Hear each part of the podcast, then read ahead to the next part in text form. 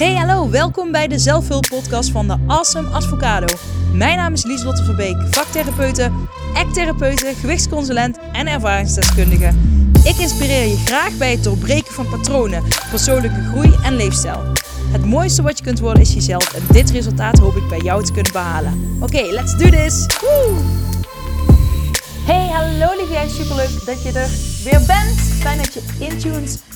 Um, ja, ik zal maar meteen met de deur in huis vallen. Hè? De vorige podcastaflevering. Ik um, um, heb niet veel reacties gekregen over wat mensen ervan vonden. Uh, wat helemaal oké is. Maar uh, ik had wel een paar reacties gekregen over dat de voorkeur toch was uh, dat ik het spontaan opnam. Denk je nu, waar heb je het over, Lieselot? Ik had de vorige podcastaflevering iets uitgeprobeerd om vooraf, ook vanuit Inspired Action, dat wel, mijn uh, podcastaflevering uit te typen. En um, daarna hier ja, voor te lezen, voor te dragen. Maar ik moet eerlijk zeggen, het, ik heb hem zelf twee keer teruggeluisterd.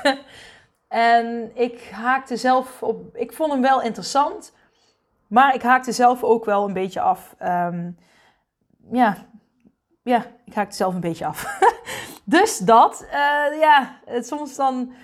Oh, ik moet even mijn geluid uitzetten van mijn um, WhatsApp op de computer. Even kijken hoe dat werkt. Eh, uh, nee, nou, I don't know. Nou, misschien hoor je af en toe een geluidje, want het ik krijg hem niet zo heel snel uitgezet. Maar ik, ja, ik vond het zelf erg prettig. Uh, de kracht van schrijven vind ik erg prettig. Dus ik vond het erg prettig om het voor te bereiden, om het uh, te schrijven. Want dan heb je structuur en overzicht en het is helder en duidelijk. En dat is meer het stukje wat schrijven met mij doet. Maar ik denk inderdaad dat het voor de podcastaflevering um, voor mij persoonlijk geen meerwaarde biedt. Omdat juist heel veel volgers van mij, uh, maar ik zelf ook, juist houden van die vrijheid van de in spontaniteit. En ik vind het ook fijn als ik af en toe lekker kan wandelen of uh, nou ja, in bad kan liggen, vanuit welke plek ik maar ook wil een podcast kan opnemen. Nu zit ik in mijn keuken aan de keukentafel. En dan moet ik meteen aan mijn zelfgemaakte lied denken. Dat wat overigens wel uh, leuk is om te weten. Wellicht weet je dat al, maar ik heb uh, in de periode dat ik heel erg in mijn angstzone zat, heb ik meerdere liedjes geschreven. Ik heb mezelf in die periode gitaar leren spelen. Gewoon een beetje basisakkoorden. En toen um, ben ik daar liedjes bij gaan schrijven. En uh, in die liedjes schreef ik eigenlijk achteraf gezien heel veel antwoorden over uh, wat ik op dat moment nodig had. Ik, uh, ik gaf mezelf vanuit mijn diepste zijn, vanuit mijn onderbewustzijn, eigenlijk adviezen uh, waar ik heel hard naar op zoek was. En, maar dat zag ik later pas. Want ik was toen vooral bezig met um, de liedjes maken en schrijven. En schrijven was echt gewoon na in vijf minuten vanuit intuïtie schrijven en het was klaar. En ik denk dat ik dat ook alleen maar kan wanneer ik heel slecht in mijn vel zit. um, nou ja, dat moet ik even afkloppen. Maar oh, nou, nu denk ik er zo over. Mm. En ik heb die liedjes toen opgenomen. Die kun je terugvinden op YouTube. Op mijn kanaal, die is Lotte Verbeek. Uh, Breed heet er eentje en de andere heet Dad. En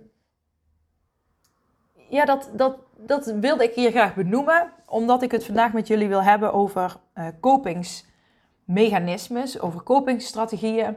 Toen ik heel erg in mijn angststoornis zat, was een van mijn kopingsmechanismes uh, dat ik uh, helemaal niks meer ging doen. Ik uh, was heel erg aan het vermijden. Um, dus, nou ja, ik, ik, ik zat op de bank. Um, ik deed niks. Ik probeerde, ik zette de tv aan en ik probeerde series te kijken, maar ik had geen concentratie om echt iets te kunnen kijken. Um, maar ik zat maar te zitten. Uh, ik was mezelf heel erg aan het verdoven uh, met ehm, ja, eten. toen dronk ik nog alcohol. Niet dat ik nou de, al de hele dag dronk, maar ik dronk in de avond wel, denk ik, geregeld een paar wijntjes of biertjes. Mm.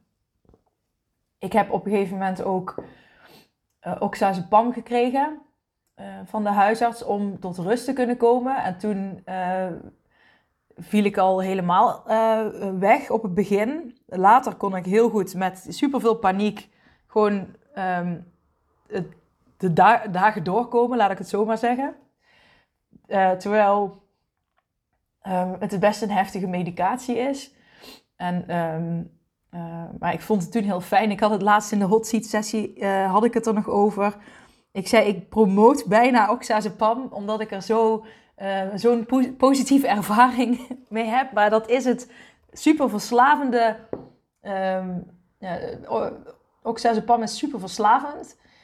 En um, ik weet nog toen ik ermee moest beginnen, in mijn, toen ik, ja, ik zat, weet je, op een gegeven moment zit je zo erg in je angst. En dan is gewoon, kijk, je hebt uh, angst in heel veel fases. En op, uh, waar je, als je dit, die fase kun je dit nog doen, kun je dit nog doen, kun je dat nog doen. Maar op een gegeven moment zit je zo in je paniek uh, dat je anderen nodig hebt om eruit te kunnen komen. En dat was in mijn geval um, toen. En ik weet nog dat ik wist dat oxazepam heel verslavend was. Dus ik was heel voorzichtig daarmee. En uh, ik wilde het ook maar twee weken slikken, omdat dat op de verpakking stond. Maar uiteindelijk um, heb ik het zes weken moeten slikken. En in de derde week tot zesde slik, slikte ik het wel drie keer per dag. En daarna ben ik het volgens mij weer gaan afbouwen. Uh, vrij snel. Um, en op een gegeven moment had ik het nog alleen maar bij voor als een soort van veilig gevoel. En mm, in die tussentijd had ik mijn angstmedicatie, um, uh, die ik nu nog heb, maar nu de helft van toen. En ik ga volgend jaar weer halveren. En lager dan dat, uh, ja, dan, dat is nul. dus, um, maar ja, buiten of het, hè, ik bedoel, ik heb geaccepteerd dat ik het niet kan accepteren. dat ik medicatie nodig heb. En dat komt ook heel erg door al die ik lees superveel boeken vanuit spiritualiteit. Um, uh, maar ook, nou ja, ik moet wel zeggen dat is minder, maar heel veel boeken die ik lees, daar wordt een medicatie uh, onder het kopje drugs en alcohol neergezet. En daar ben ik het niet mee eens. Daar heb ik de huisarts ook ooit over opgebeld om daarover te hebben. En uh, daar, dat heeft mij, dat geeft, ja, daardoor denk ik heel vaak dat het niet goed is.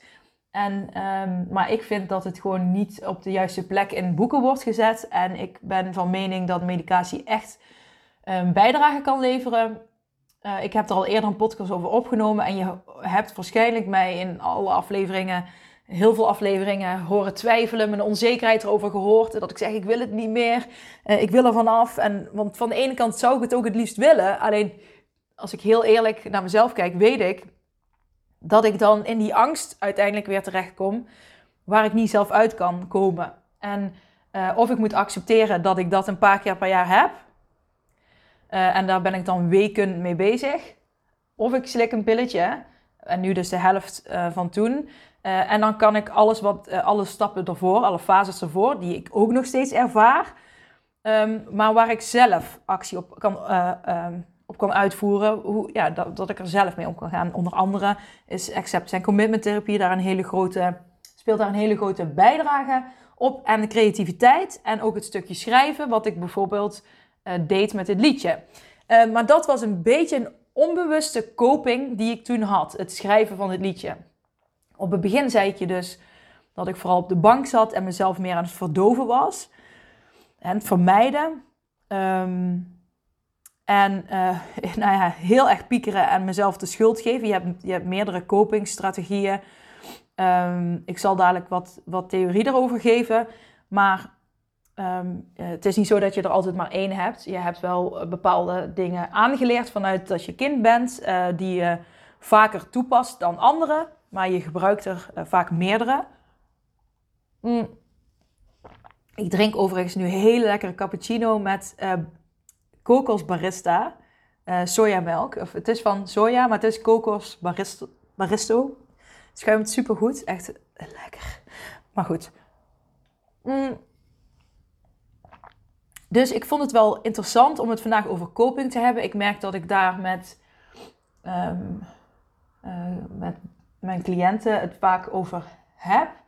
Ehm, vaak zie je dat mensen vastlopen, ook bij eetproblematieken, um, met verkeerde copingen.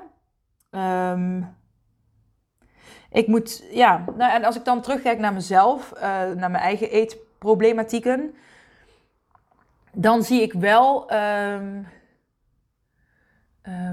nou ja, ik zeg dus nu ook altijd tegen anderen van. Uh, ja, als ze zeggen: ik, ja, ik weet wel hoe het moet, ik weet wel hoe het moet, maar ik doe het niet. En dat.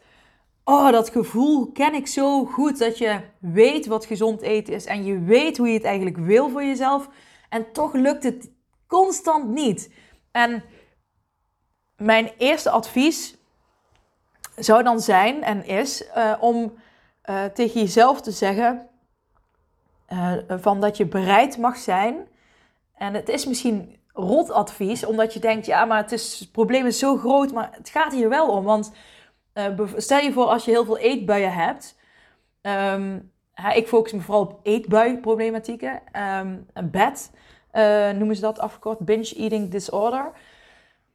En als je die heel veel hebt, dan uh, vraag ik me af: oké, van welke uh, emotie mag je niet voelen?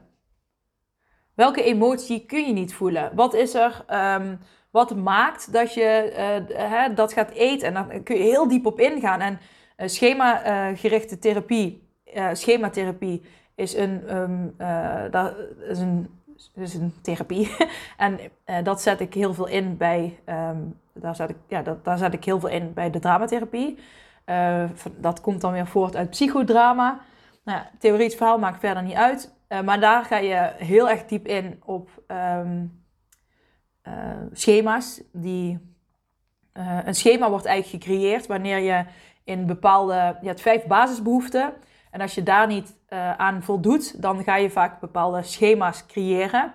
En vanuit die schema kom je weer in een bepaalde modi.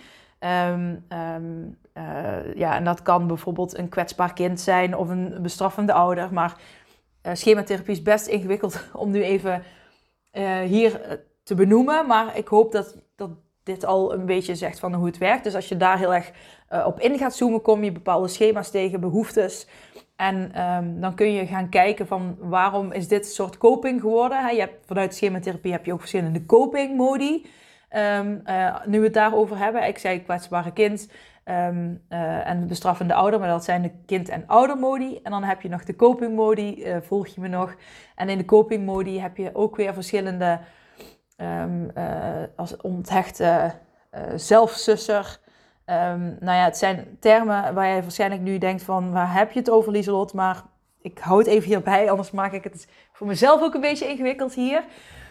Um, Kort gezegd, het is super interessant om daarmee naar je coping en naar jouw gedragingen en behoeftes en uh, gevoelens uh, te gaan kijken en waarom je doet wat je doet. Mijn passie is um, waarom, om te ontdekken waarom willen we zoveel en we weten hoe het moet, maar doen we het niet.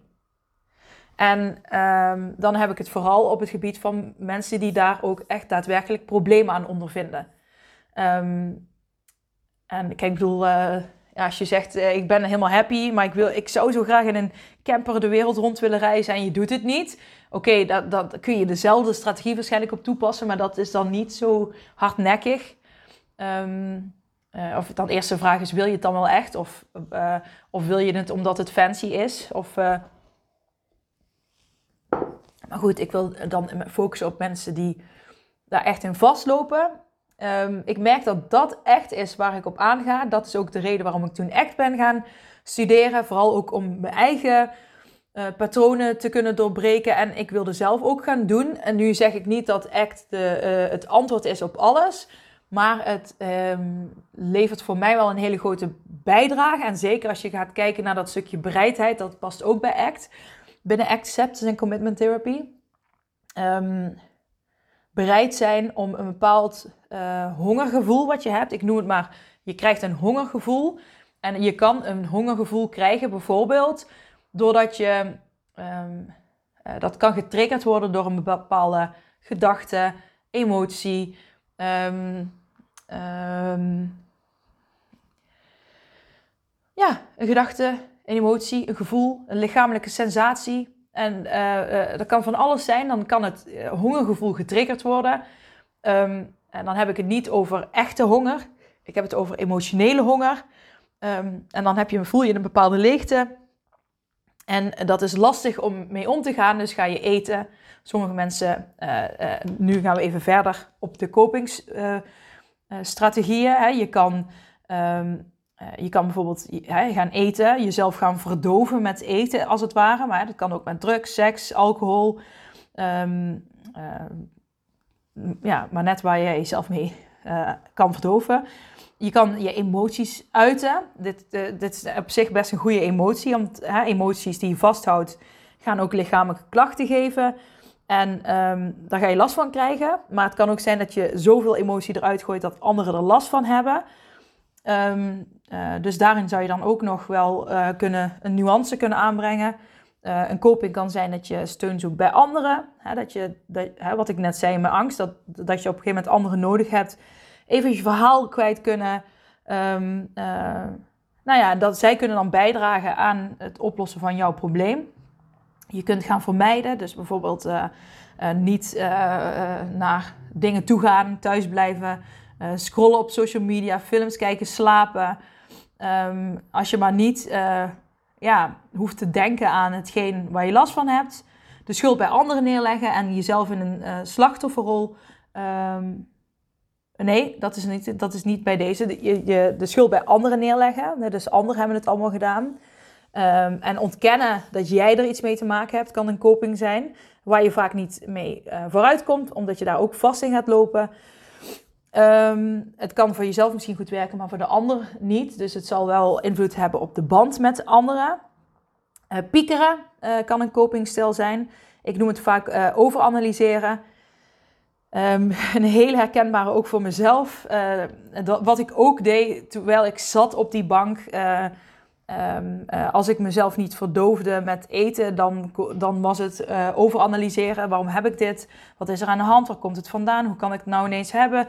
Oh, wat voel ik nou in mijn lichaam? Wat is dat nou weer? Oh, is dat iets ergs? Oh, wat zou dat zijn? En dan ging het maar door en door. Uh, en nog een coping is jezelf de schuld geven. Dus dat je dan, wat ik eerder wou zeggen, in een slachtofferrol gaat stappen.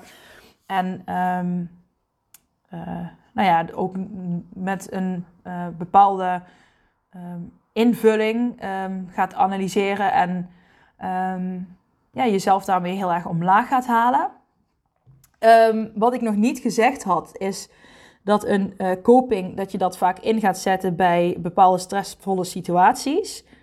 En je hebt meerdere copingstijlen, zou je kunnen zeggen. probleemgerichte um, coping. En dat is dat je dan een, een oplossing voor het probleem probeert te vinden. Je hebt emotiegerichte coping. Uh, waarbij je de gevoelens die het probleem veroorzaken probeert te veranderen. En je hebt actieve en passieve coping.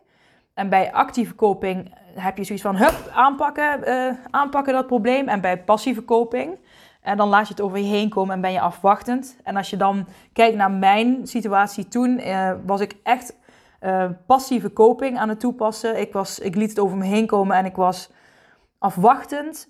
Um, en later. Uh, en ik was ook wel bezig met de angst weg te krijgen. Heel erg aan het vechten op een gegeven moment. Op een gegeven moment, toen ik meer van die bank afkwam, ging ik meer vechten wat niet werkte.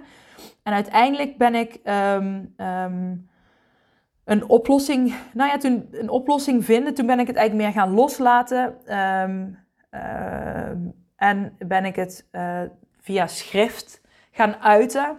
En via muziek, wat tevens mij brengt, want je hebt natuurlijk ook gezonde coping. En positieve copingstrategieën wordt dat dan genoemd. En um, die helpen, dat is bewezen, ze hebben een gunstige invloed op boosheid, stress, angst en depressieve klachten. En dat kan al iets heel simpels zijn als lichamelijke oefeningen. Um, en dat, hè, wat ik al eerder zei, vrienden, familie bellen. Afleiding zoeken. En nou is afleiding zoeken een korte termijn uh, coping. Die kan op korte termijn helpen, maar op de lange termijn zou, zal je er toch een andere coping voor moeten gaan inzetten. Maar het kan um, um, uh, af en toe wel helpen, bijvoorbeeld zeker bij eetproblematieken, eet, eetbuien dat je jezelf heel even afleidt, uh, waardoor het hongergevoel daarna iets meer is gezakt, waardoor je er weer op een andere manier mee om kunt gaan. Um, ja, en bijvoorbeeld, uh, zoals ik al zei, schrijven, um, tekenen, uh, schilderen. je kunt vanuit X heb je ook een diffusieoefening, waarin je meer afstand neemt van bepaalde gedachten, emoties en dergelijke. Wat eigenlijk ook, wat je meer met gekke stemmetjes doet. Dus dan, dat is meer um, um, wat je dan eventueel zou kunnen opnemen. Er zijn heel veel positieve copingstrategieën waarvan je waarschijnlijk nu gaat denken: oh, maar dat zijn zo'n eenvoudige dingen. Dat helpt echt niet bij het grote probleem waar ik tegenaan loop. En toch is dat wel zo. Um, dit is een zelfhulppodcast. Het is niet zo dat, dat Kijk, als je echt uh, grote problemen hebt, uh, um, of nou ja, grote problemen, als je gewoon heel erg vastloopt, raad ik je sowieso aan om daar hulp bij te vragen. Want je hoeft het niet alleen te doen. En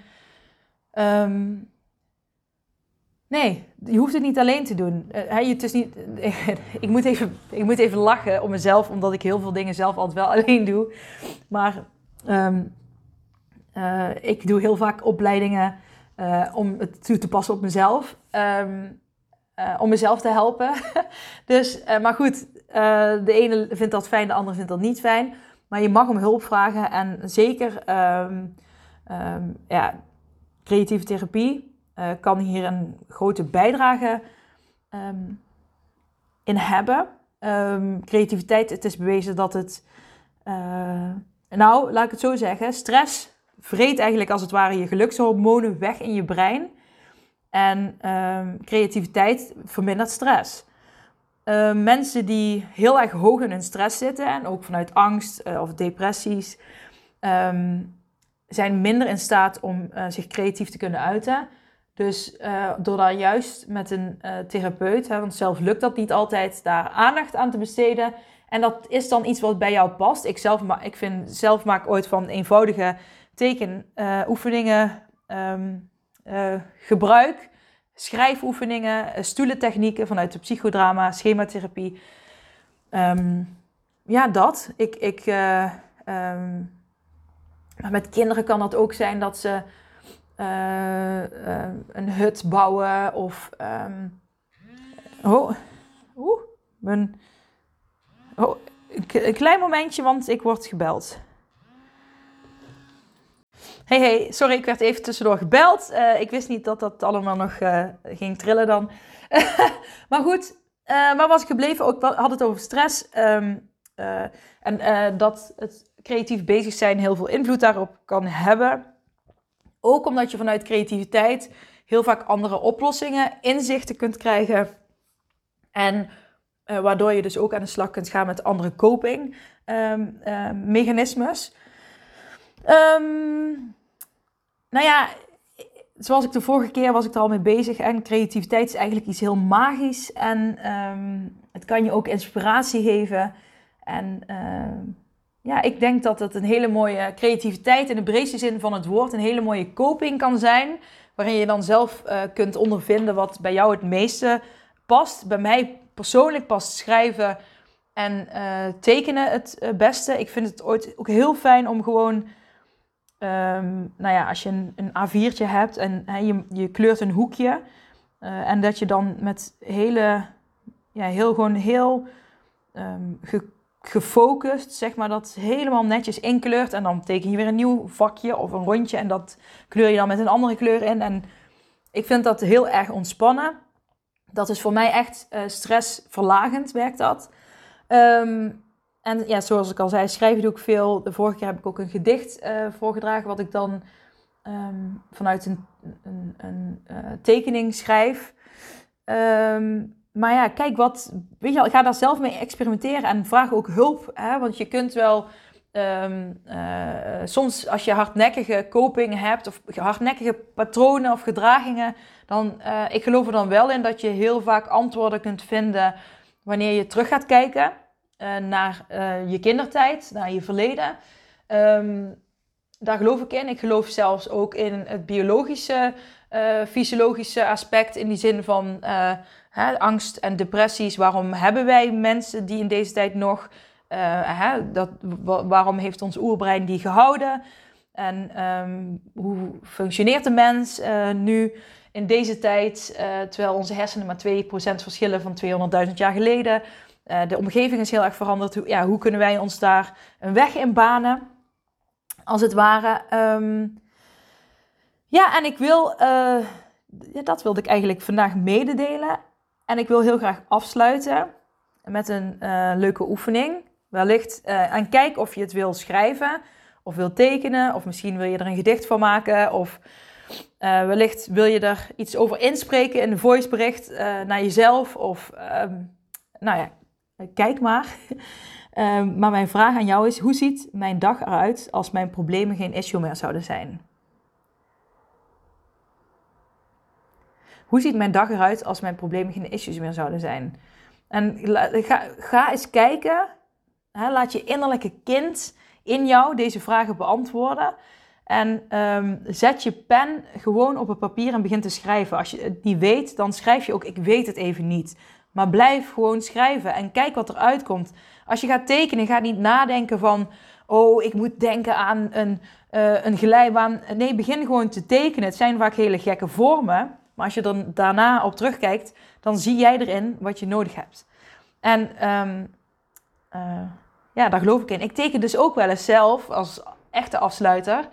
Um, dan zeg ik tegen mezelf, of dan schrijf ik de zin boven van, uh, bovenaan het blad van wat uh, universum geeft me graag antwoord op deze vraag. En dan schrijf ik de vraag op en dan ga ik tekenen en dan krijg ik in die tekening antwoorden te zien die ik nodig heb.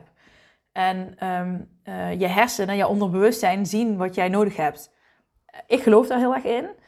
Dus ga eens hiermee mee aan de slag en uh, deel het als je het durft te delen met me. dat kan via de mail voedings.advocado.gmail.nl Advocado met een D. Of op een pb'tje op Instagram. Of zet het op je stories. Hè, want je mag volledig jezelf zijn. En uit jezelf. En uh, tag me erin, zodat ik het kan zien. Um, uh, maar niks moet. Maar daag jezelf hierin uit. Yes, ik wens je nog een hele, hele mooie dag. En ik spreek je snel. Hey, hallo lieve jij. Bedankt voor het luisteren naar mijn podcastaflevering. Vind je hem nou heel waardevol? Deel hem dan vooral op social media. En tag me erin. Op Instagram is dat Lieselot-Verbeek. En vergeet vooral niet 5 sterren te geven wanneer je beluistert via Spotify. Yes, dankjewel. Dag lieve jij. Tot de volgende. Doei.